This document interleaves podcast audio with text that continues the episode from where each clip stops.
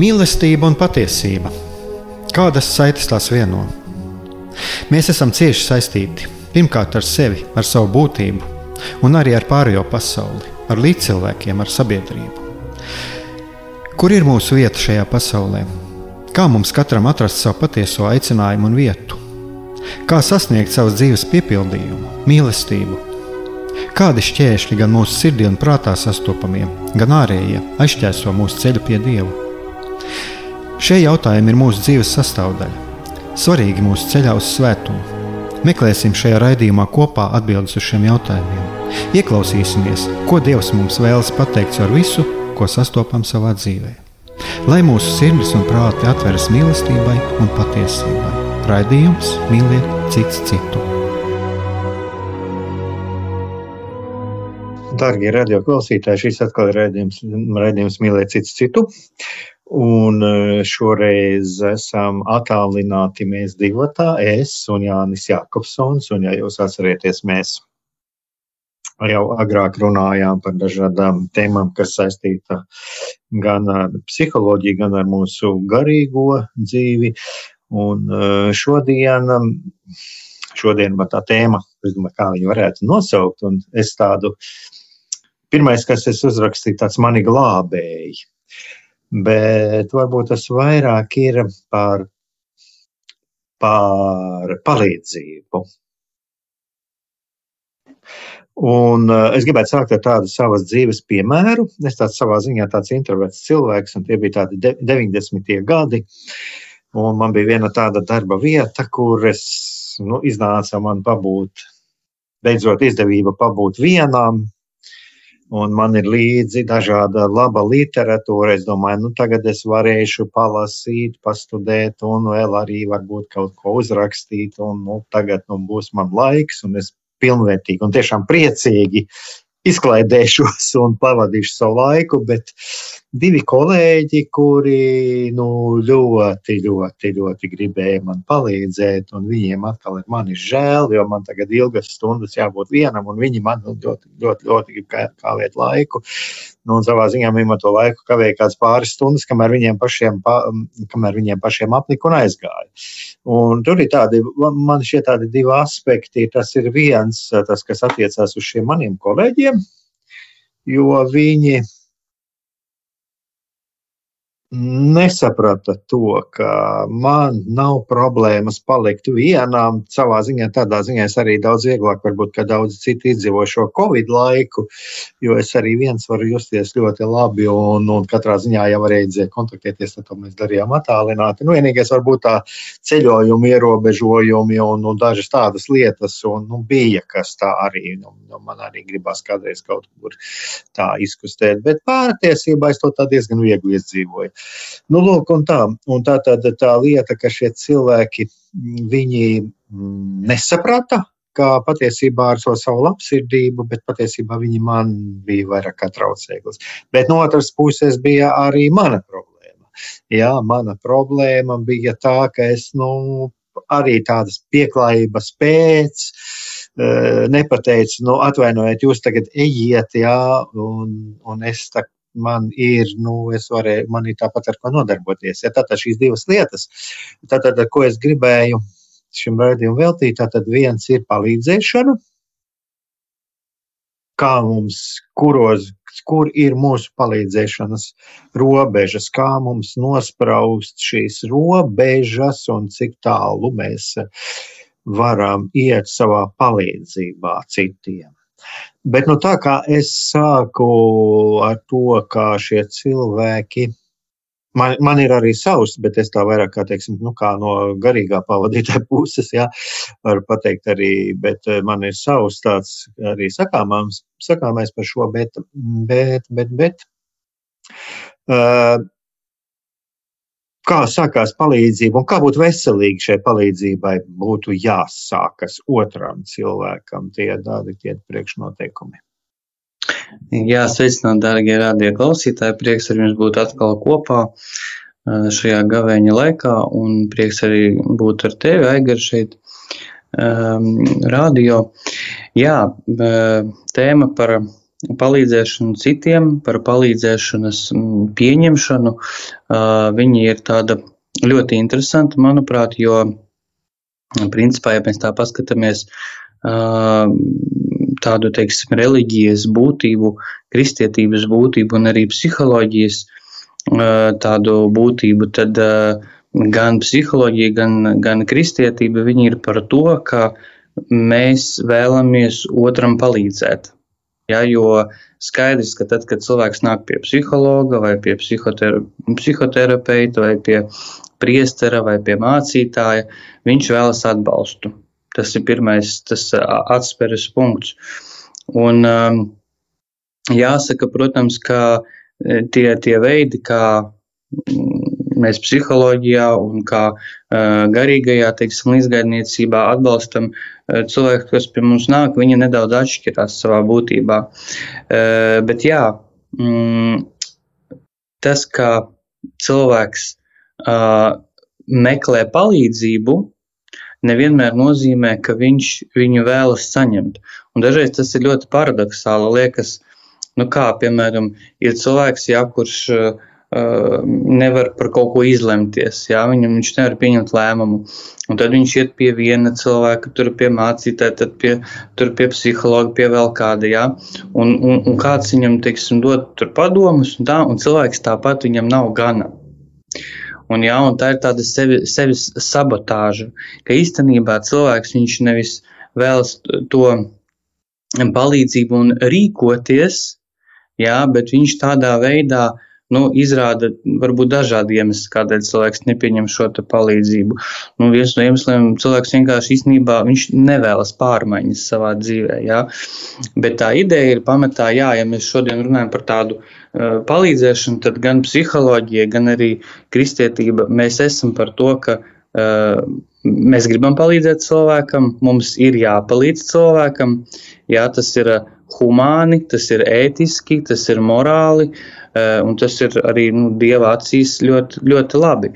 Bet, eh, kad mēs ejam tālāk šajā tēmā, ko nozīmē palīdzēt otram cilvēkam, te jau mēs varam ļoti dažādi skatīties. Un, un kā jau nojaušu, tas, par ko mēs šodien arī turpmāk runāsim, ka bieži vien, eh, kā jau tikko minēju, cilvēki īstenībā nevēlas pārmaiņas, jā, bet viņi meklē šo palīdzību. Viņi nav gatavi pārmaiņām.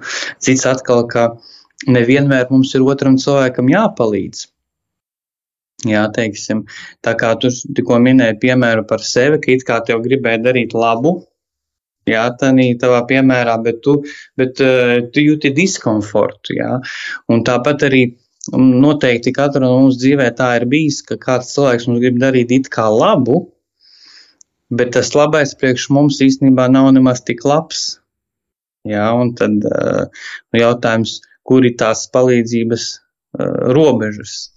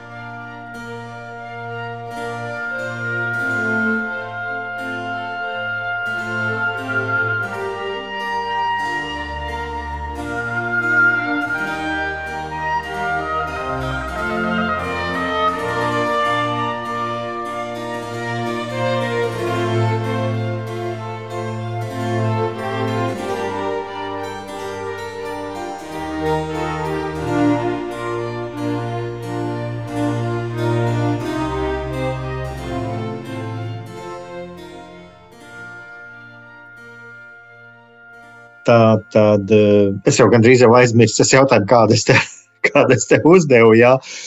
Bet eh, jā, eh, jautājums ir par to, tā, tad, cik es um, atceros, jā, es sāku runāt par to, nu, kurā brīdī tad saprast, kad ir vajadzīga šī palīdzība.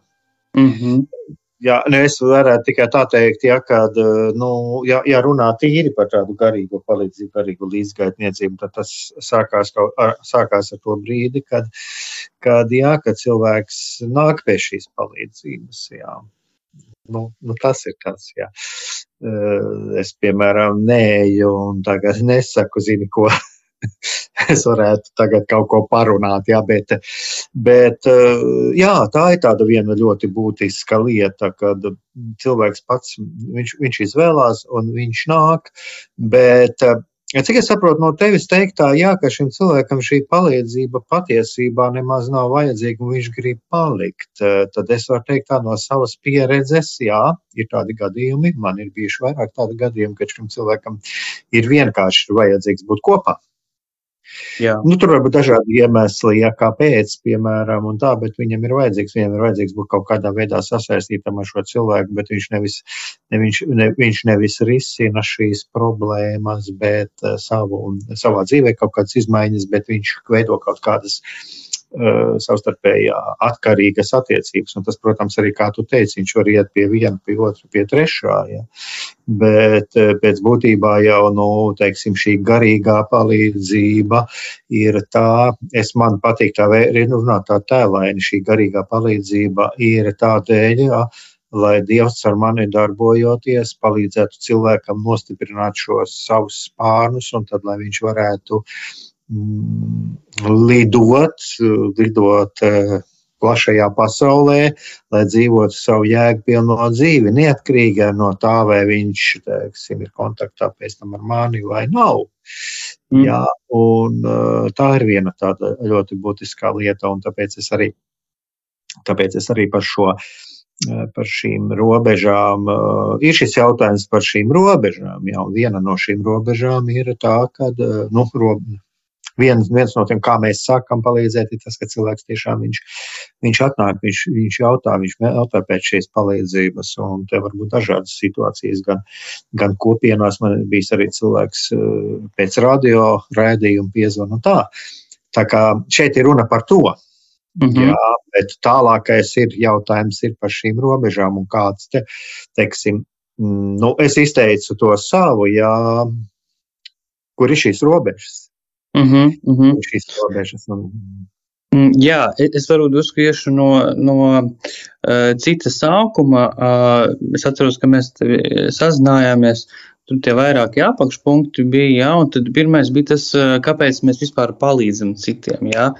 Un, ah, jā, tā ir svarīga lieta. Jā, un tad, uh, nu, tas pirmais, ko es gribu uh, teikt šajā sakarā, ir tas, kad, uh, ka šeit ir ļoti svarīgs tas moments, kādas ir mūsu vērtības. Ja?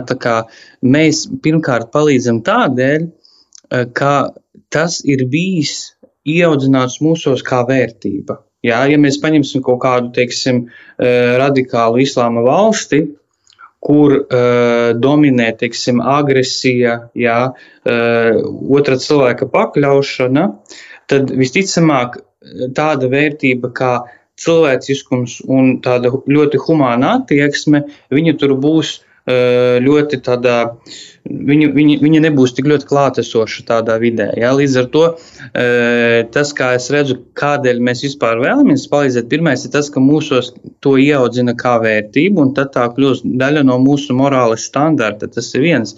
Tas vairāk varbūt tāds jau kā morāla teoloģijas, teoloģijas jautājums, bet, bet otra lieta, ka ka uh, psiholoģiski tas, ko es pamanu, uh, kā, esot kontaktā ar cilvēkiem, ka mums katram iekšā vairāk vai mazāk ir šī te tendence mazināt otram cilvēkam ciešanas. Un to ir grūti izskaidrot, bet es pamanu, ka katrs no mums, mēs visi cilvēki, visi cilvēki kopā, mēs it kā būtu kā tāda viena liela saime saķēdēta. Un gribot, negribot, cilvēkā ir šis iekšējais dzinulis, ka viņš grib otram cilvēkam palīdzēt. Jā? Tāpēc mēs bieži vien varam redzēt, ka notiek kaut kādas nelaimes situācijas. Jā, ir cilvēki, kas paiet garām, bet pārsvarā tomēr cilvēki saliedējas tajos brīžos, un viņi iet palīdzībā un glābt otru cilvēku. Tā kā es domāju, tas ir tāds mūsu jau iekodēts psiholoģisks, varam teikt, garīgs process mūsos, kas ir jeb garīgs kods, jā, tāds iekodēts, ka mēs gribam palīdzēt otram cilvēkam, tā mūsos ir tāda nu, dabiska izpausme. Bet, eh, bet, eh, ja mēs runājam nedaudz plašāk par to, kāpēc mēs gribam palīdzēt, nu šeit mēs varam arī skatīties uz tādām varbūt vairāk neirotiskām vēlmēm, kāpēc mēs gribam palīdzēt. Jo dažreiz ir arī tā, ka teiksim, cilvēks uzaug tādā ģimenē, kur viņam ir mācīts, ka viņam ir jābūt pret visiem laipnam, pret visiem labiem, ka visiem ir jāpalīdz, visus ir jāglābj cilvēkus. Ja, un tad cilvēks izglābj par tādu uh, cilvēku, kurš grib apmierināt visu cilvēku vajadzības. Viņš grib uh, glābt visus cilvēkus, atrisināt visas problēmas, izdziedināt saviem radiniekiem visas atkarības gribas, jā, un ja cilvēks ir kristietis, tad glābt visus un vest pie Dieva. Un, un šeit mēs arī varam redzēt to, ka nu, dažreiz sastopas arī baznīcā tādi uzskati, ja, ka teiksim, e, cilvēks atgriežas pie Dieva, un tad viņam ir kāds radinieks neticīgs, un tad to cilvēku obligāti vajag izglābt un vest pie Dieva. Un tad tā vēlme vest pie Dieva, viņa to cilvēku vēl tālāk aizdzen prom no Dieva, ja? tā kā nevis, nevis pietuvina. Un šeit ir jāskatās uz to, E, es, es izēju no tādas pozīcijas, kāpēc es gribu kādam palīdzēt, kāds ir motīvs, kāds ir mans iekšējais motīvs, vai tas, ko es daru, vai tas tiešām ir e, no tīras vēlmes, jā, vai es to daru kaut kādu savu iekšēju, e, ne līdz galam tādu veselīgu motīvu vadīts. Un tas ir svarīgs jautājums.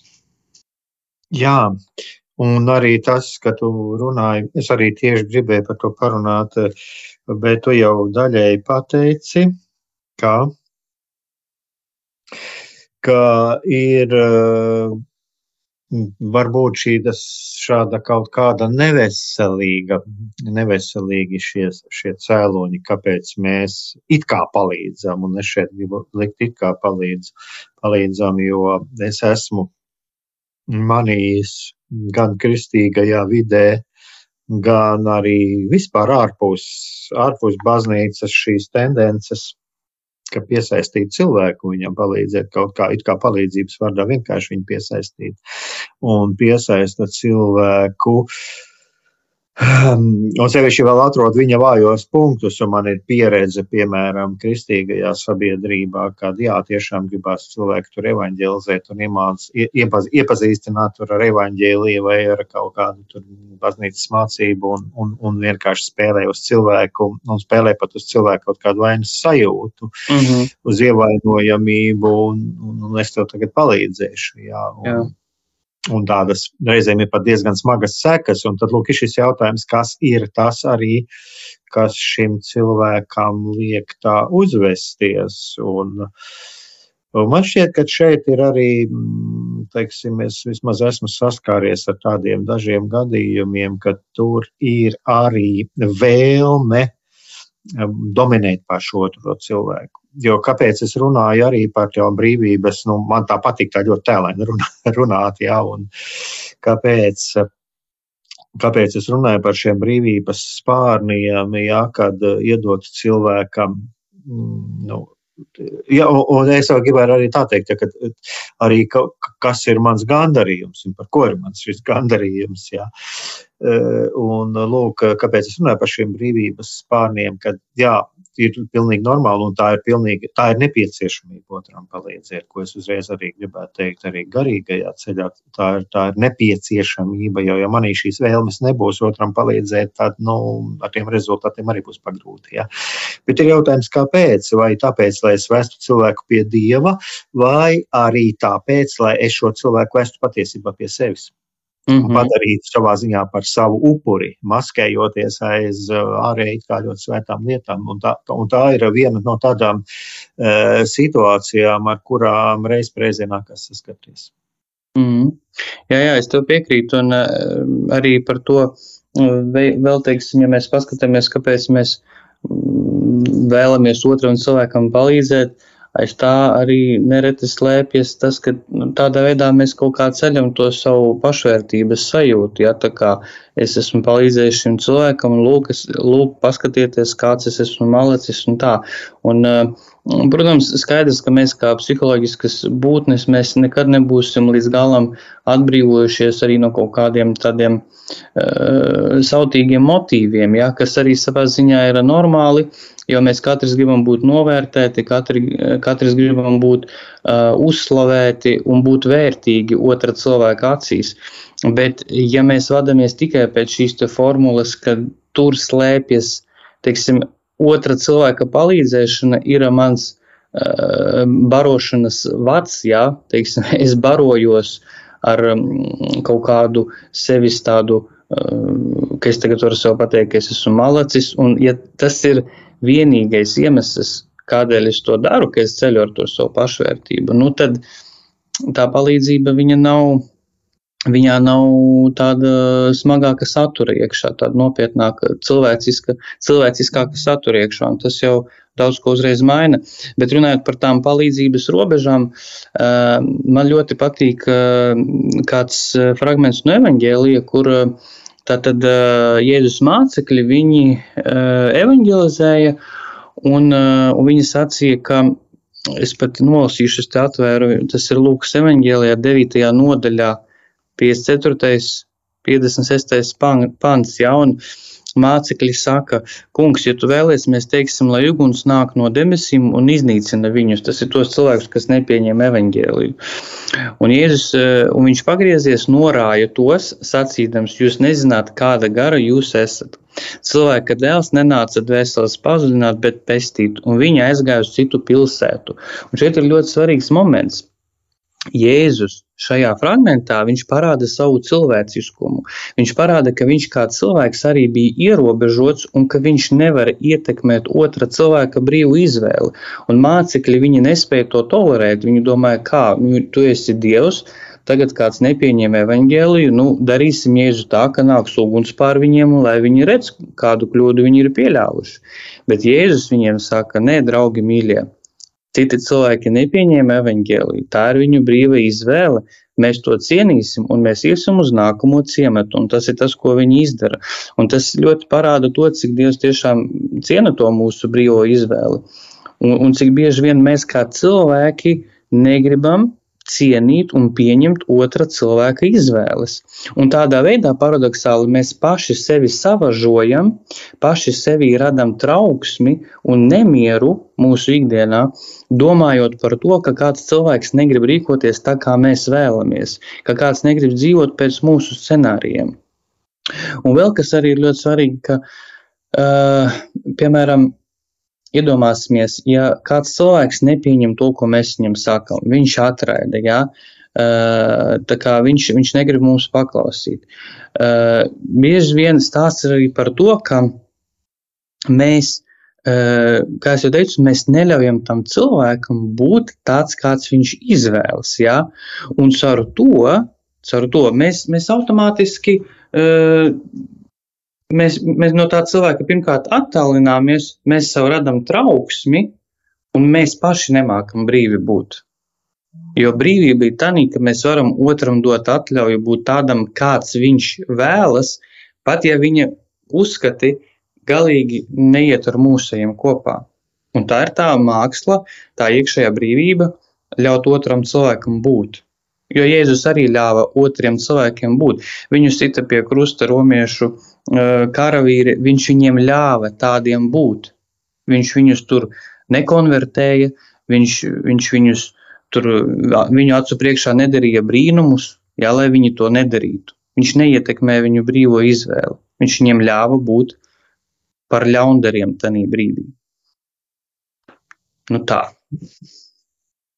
Mm, jā, e, dažam varētu būt pārdomas par to ļaut būt par eldariem, un tad būtu jāparunā par katehismu.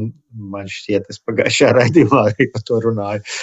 Jā, Jēzus, mēs neesam, teiksim, mēs esam sekot, sekot, sekot, sekot aicināti sekot Jēzum un Jēzus pēdās, bet mēs, teiksim, nevaram arī kopēt Jēzus dzīvi un tā, jā, bet jā, kas man ir tieši no tevis teikt, arī tāda uzrunāja tieši par to, ka Jēzus, viņš aizgāja tur, kur viņu nepieņēma, Un, un viena no tādām lietām, man te tāda saraksts iznāca tāds neliels strīds pirms, kā, pirms dažām, pirms pavisam, pavisam neilga laika, kur arī, nu, nu kā, nu, te pasaulē notiek nu, tādas, tādas lietas, bet es saku, nu, mēs jau kā kristieši mums cita ceļa neatliek.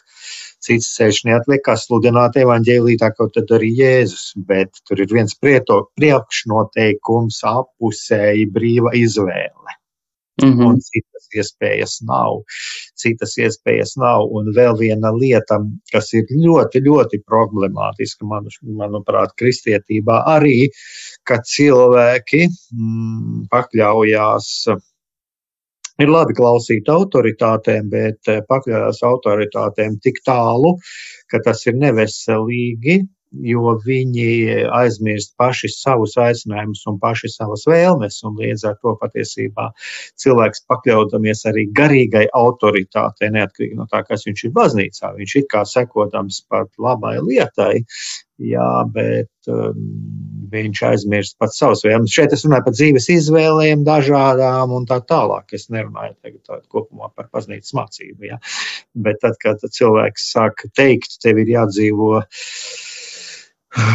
nu, te ir vesels plašs spektrs, jā, bet tagad cilvēks sāk kādu kopēt, kopēt eh, nevis ar to, ka eh, šis cilvēks dzīvo savu dzīvi un atbilstoši savam aicinājumam, bet eh, precīzi kopēt, ja teiksim, tur ir jābūt kādam garīdzniekam, tas šķiet labi, tad es esmu garīdznieks, jā. Mm -hmm patiesībā tas ir kaut kā tikai virspusēja iedoma, jo baznīca arī citādi aicinājumi, tad nu, mm, cilvēks būtībā attālinās no tā, uz ko viņa aicina Dievs. Un man šķiet, ka arī šī tāda ļoti būtiski, ļoti liela problēma uh, vispār, arī tieši kristiešu vidē, ka ka šis aicinājums, e, kad ieskatīties šajā Jēzus darbībā un uh, Un um, tieši šis moments, ka Jēzus um, brīvprā, lūk, lūk, šis brīvprātības princips, un ja mēs paskatāmies arī, kur ir dziedināšana, dziedināšana, kur Jēzus cilvēkus dziedina, viņš arī viņam ir ņem savu gultu un ej, ko tu vēlies. Uh, pirmais ir Jēzum ir tas, ka viņš eh, cilvēkam liek saprast, liek saprast, eh, palīdz, nevis liek, palīdz cilvēkam saprast, eh, ko viņš patiesībā vēlās, ko viņam vajag. Mm -hmm. Arī šajos dziedināšanas momentos mēs redzam to. Ja? Un, tā kā, es domāju, ka tā ir tāda viena ļoti, ļoti svarīga. Mums ir to apzināties. Es arī cilvēkiem saku tā, neklausiet cilvēkiem. Es saku, tie, kur klausās manī, vienalga, vai man kaut kur nāk runāt, vai radio, es saku tā, ieklausieties manos vārdos, ieklausieties manos vārdos, bet neuzņemiet visu kā lielu, lielu tādu absolūtu patiesību, jo es esmu tikai cilvēks, es arī varu kļūdīties. Tas ir viens, otrs, ja arī es runāju kaut kādu patiesību, un es jums pateikšu patiesību, jūs viņu pieņemsiet, bet jūs pieņemsiet viņu nevis tāpēc, ka ka jūs meklējat patiesību, bet tāpēc, ka es varbūt kādam varu būt autoritāte. Bet nāks kāda, kādreiz kāda cita lakstīgala, kur dziedās daļāk, un jūs varbūt arī pievērsīsieties tur. Jā. Un tā, un līdz ar to, tāpēc arī tā ir viena ļoti būtiska lieta, ja, kad, jā, viens no tādiem palīdzības, palīdzības, mm, kā mēs palīdzam cilvēkam patiesībā dot viņam impulsu, dot viņam impulsu, lai viņš atrastu šo ceļu pie Dieva, lai viņš atrastu savu aicinājumu dažādās savas dzīves situācijās. Pats savu, nevis manu, bet savu. Jā, un eh, atgriežoties arī pie šī momenta, kāpēc mēs eh, teiksim, gribam otram cilvēkam palīdzēt, ir sevišķi, ja otrs cilvēks ir kaut kādā teiksim, atkarības stāvoklī, jā, vai teiksim, kaut kādā mm, pretēji diametrālā dzīves eh, pozīcijā nekā mēs. Tad šeit ir ļoti svarīgs moments, ka mēs uh, dodam atļauju otram cilvēkam justies tā, kā viņš jūtas par mums. Jo bieži vien, uh, nu, klasisks piemērs, ja teiksim, iedomāsimies, uh, teiksim, kādam cilvēkam, pieņemsim, tur sievietei, uh, radinieks vai vīrs ir alkoholiķis. Un tagad uh, šī sieviete nevar samierināties ar to, ka šīs, šis vīrs dzer, vai šis radinieks dzer, dzer, dzer, ka viņš noraida dievu, ka viņš negrib paklausīt, ka viņš negrib iet pie psihologa, vēl kaut ko. Un, un, un e, tas, ko šī sieviete dara šajā gadījumā, Uh, un, un tas uh, cilvēks, teiksim, ar atkarību, viņš dusmojas uz to sievieti. Jā? Viņš dusmojas, ka viņa tur lien un tā. Mēs nedodam otram cilvēkam atļauju justies tā, kā viņš jūtas par mums un par to, ko viņš mums saka. Ja, par tām lietām. Teiksim, mēs viņam piedāvājam dziedināšanu, viņš atraida. Mēs nedodam otram cilvēkam atļauju. Tā, tā bieži vien ir ļoti liela problēma, ka mēs nedodam atļauju otram cilvēkam justies tā, kā viņš jūtas par mūsu teikto un par mums pašiem. Un, un tagad, pavirzoties uz tiem riskiem, kas ir Mm, palīdzot otram cilvēkam, riski var būt ļoti dažādi. Kā viena no piemēriem man atnāca prātā mm, kāds interesants stāsts, ko es klausījos pirms dažām dienām. Viens uh, psihoanalītiķis no Amerikas, tāds Stevens Gross, viņš ļoti tādu interesantu domu izteica. Viņš saka, ka uh, cilvēka dzīve tā ir nemitīga atdalīšanās un pāriešana jaunajā dzīves fāzē. Piemēram, tad, kad bērns ir mātes vēderā, viņam ir komfortabli, viņam ir labi, un pēkšņi notiek satricinājums. Viņš tiek izmests pasaulē viņš atdalās no mammas nabas saites. Tad bērns sāk sūkāt mammas krūti, dzert pienu. Viņam ir tik labi, viņa lūpa, lūpas jūt šo mammas krūts siltumu un pieniņš un pabarots, un pēkšņi vairs krūts nav, notika atdalīšanās. Jā, un tad ir nepieciešama šī saikne ar tēti un mammu, lai būtu kopā, lai būtu drošības sajūta, un pēkšņi vecāki vairs nav autoritāte, bet autoritātes ir skolotāji. Un tad pēkšņi vairāk skolotāji nav autoritātes, un autoritātes ir pusauģi un tad pēkšņi pusauģi nav autoritātes, notiek atdalīšanās, un autoritāte esmu es sev pats, bet es nesaprotu, par ko ir visa šī pasaule 18 gados. Jā, tas bieži vien, kad cilvēks saprot, ka viņš ir viens šajā lielā pasaulē, izmests ārā, tā teikt. Viņš nezina, ko ar to iesākt. Un, un mēs redzam, ka mūsu dzīve, ja, tāpat arī par nāvi, pēkšņi mēs no vienas fāzes pārējām uz nākamo, notiek atkal izraušana no mūsu uh, komfortablās realitātes, ja dažreiz arī ne tik komfortablās, bet tomēr mēs esam dzīvi. Tā kā mūsu dzīve tā ir nemitīga atdalīšanās, un ja mēs pārlieku vēlamies otram cilvēkam palīdzēt, tad tā var būt neļaušana otram cilvēkam virzīties tur, kur viņam ir jāvirzās. Tā var būt kā aizturēšana, viņa, viņa aizturēšana, lai viņš paliek, teiksim, mūžīgs pusaudzis. Ja? Daudz vīrieši uh, sevi atrod tādā stāvoklī 30, 40, 50 gados, ka viņi ir tādā mūžīga sprīdīša stāvoklī, ka viņi nezina, ko viņi grib no savas dzīves, ka viņiem vienmēr kāds palīdz, ka viņiem vienmēr kāds dod šo drošības spilvenu, ja uh, nav pārauta kaut kāda nabas saite ar vecākiem. Tāpēc uh, šī palīdzības sniegšana ir ļoti jābūt mums uzmanīgiem, kāpēc mēs to darām, lai mēs neaizkavējam otru cilvēku no tās virzības, kas viņam ir nepieciešama, no tās virzības, uz kuru aicina viņu Dievs un pati dzīve. Un, un liktos varbūt dažreiz, bet kā, nu mēs redzam, ka cilvēks tur, piemēram, nu, viņš tur netiek uh, pats galā ar kaut ko, jā, vai tur dzīve pret viņu ir skarba. Uh, un, un dažreiz ir jāsaka, ka mums ir uh, ar visu to, ka mēs redzam, ka cilvēkam ir grūti, mums ir jāpaiet malā. Un, ja tas cilvēks nemainās, tad varbūt viņš mainīsies ar smagu kritienu. Jo parasti cilvēks pieņem lēmumu par izmaiņām tad, kad viņš ir tiešām jau zemākajā punktā. Ja? Protams, var arī agrāk pieņemt lēmumu par izmaiņām. Bet, ja cilvēks nepieņem tā, tad viņam vēl nebija par daudz ciešanu.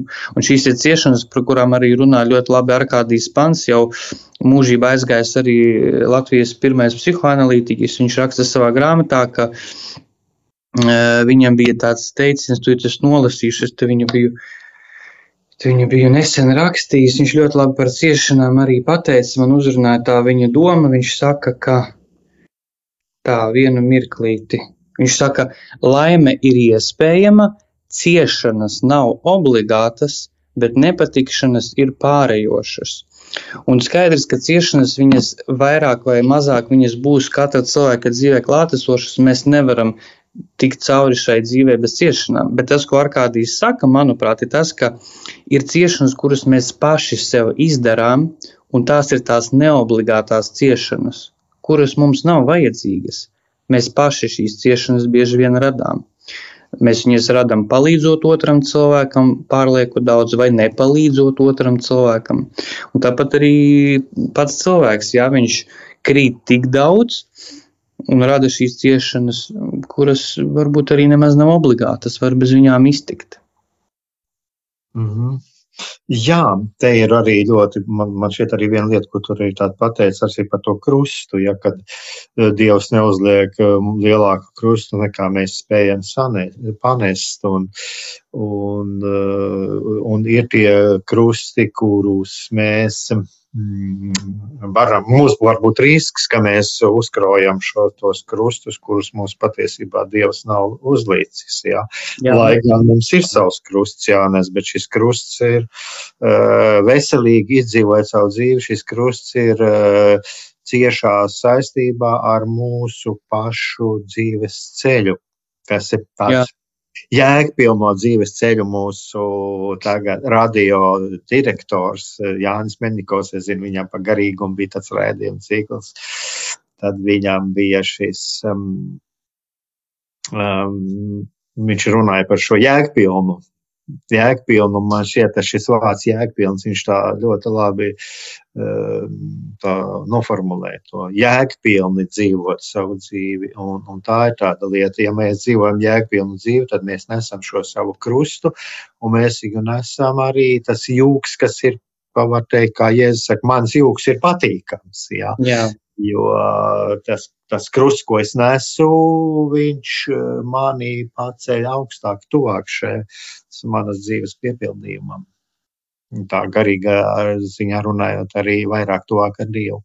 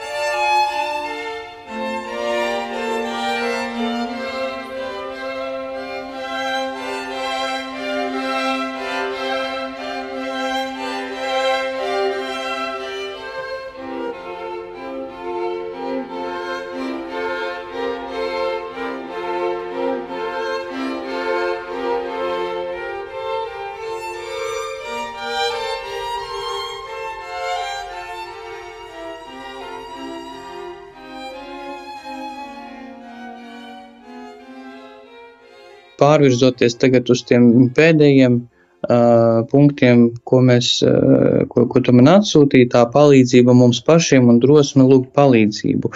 Nu, šeit ir jāsaka, ka jā, tas arī ir viens liels tāds uh, plašs temats un izaicinājums pilns, jo uh, Un bieži vien cilvēkam ir grūti prasīt palīdzību tādēļ, ka aiz tā var stāvēt kauns, jā, teiksim, kauns prasīt, vai es esmu cienīgs saņemt palīdzību, a, ko par mani padomās, varbūt es būšu dīvains, nu, piemēram, cilvēkam ir kāda psiholoģiskā problēma, ja tur aiziet, teiksim, nezinu, pie psihologa vai pie psihiatra, ko par mani padomās. Varbūt padomās, ka es esmu dīvains vai man ieliks kaut kādā rāmītī, ja.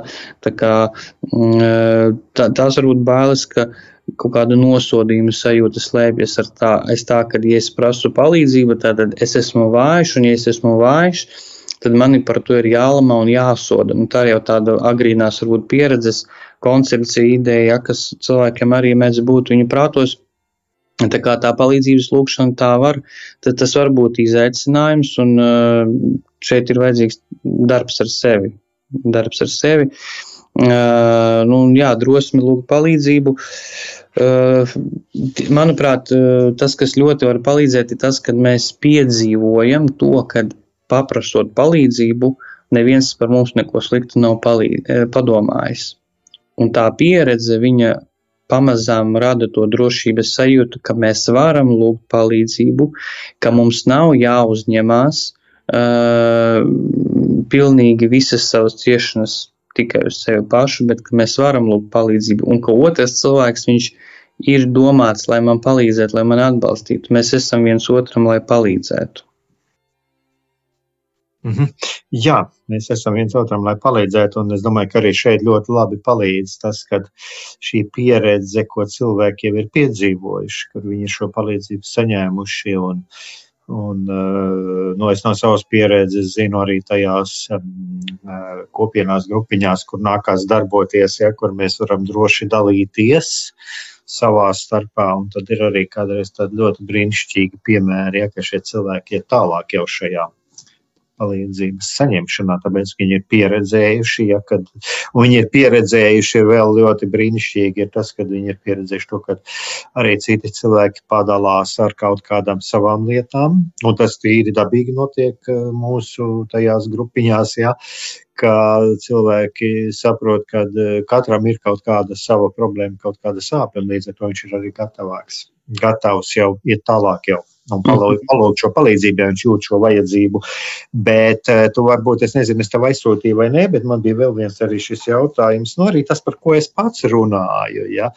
Uh, ir tā viena lieta, ko es atkal gribu atgādināt, man šķiet, es arī varu, vai es iepriekšējā raidījumā, kaut kad es runāju, ja, kad arī mm, ir tas moments, kad mums, uh, tu ieminējies arī šovak, šobrīd šajā raidījumā. Tu pieminējies arī man šķiet vienā vietā, ka uh, nebaidīties no tā, ka mans lēmums kādam liks vilties, liks sajust vilšanās sajūtu. Un tā ir viena tāda ļoti būtiska lieta, ja, kad uh, lūk, šie cilvēki nāk, ja, un es jūtu, ka man nav vajadzīgs, ka es pats, uh, kad es varbūt gribu būt viens, ja, bet mm -hmm. man Saka, atvaino, nu, es, man ir savas darīšanas, jā, vai šajā brīdī man nav vajadzīgs. Jā. Arī to, eh, to pateikt. Un tas arī, manuprāt, veido tādas eh, ļoti, ļoti, ļoti, ļoti veselīgas attiecības eh, sabiedrībā kopumā. Un, jā, un vēl viena lieta, protams, ka nu, tas, ko mēs te runājam, jā, lai klausītāji nepadomā, ka nu, mums visos brīžos ir jāskatās tagad, būtu jābūt piesardzīgam, jāgaida, ka kāds kāds nu nāks. Ja?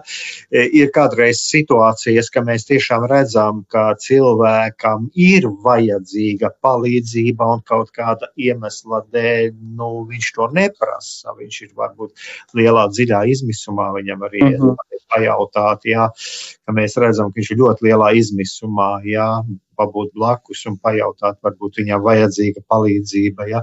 Vai, nu, teiksim, acīm redzam, kaut kāda nelaime notiks cilvēku uz ielas gluži tā, jā, tā kā, bet tas ir atkal tāds cits gadījums, jā, bet šajā gadījumā tas, ko mēs runājam un arī, ko es tā gribēju uzsvērt, ja tur, kur cilvēks ir, eh, tur, kur cilvēks ir eh, rīcības spējīgs, kur viņš ir spējīgs, jo arī liela emocionālā sat, satricinājumā cilvēks kādreiz var viņam tā rīcības spēja, viņam ir ļoti ierobežota, un tad kādreiz no malas kāds var pienākt viņam klāt un šo kaut kā šo mierinājumu sniegt, bet, bet eh, tas ir šajā gadījumā, es gribēju tieši šo raidījumā tieši runāt par to, kur mēs esam rīcības spējīgi un kur mēs varam izvēlēties, saprast, kurā brīdī sniegt šo palīdzību.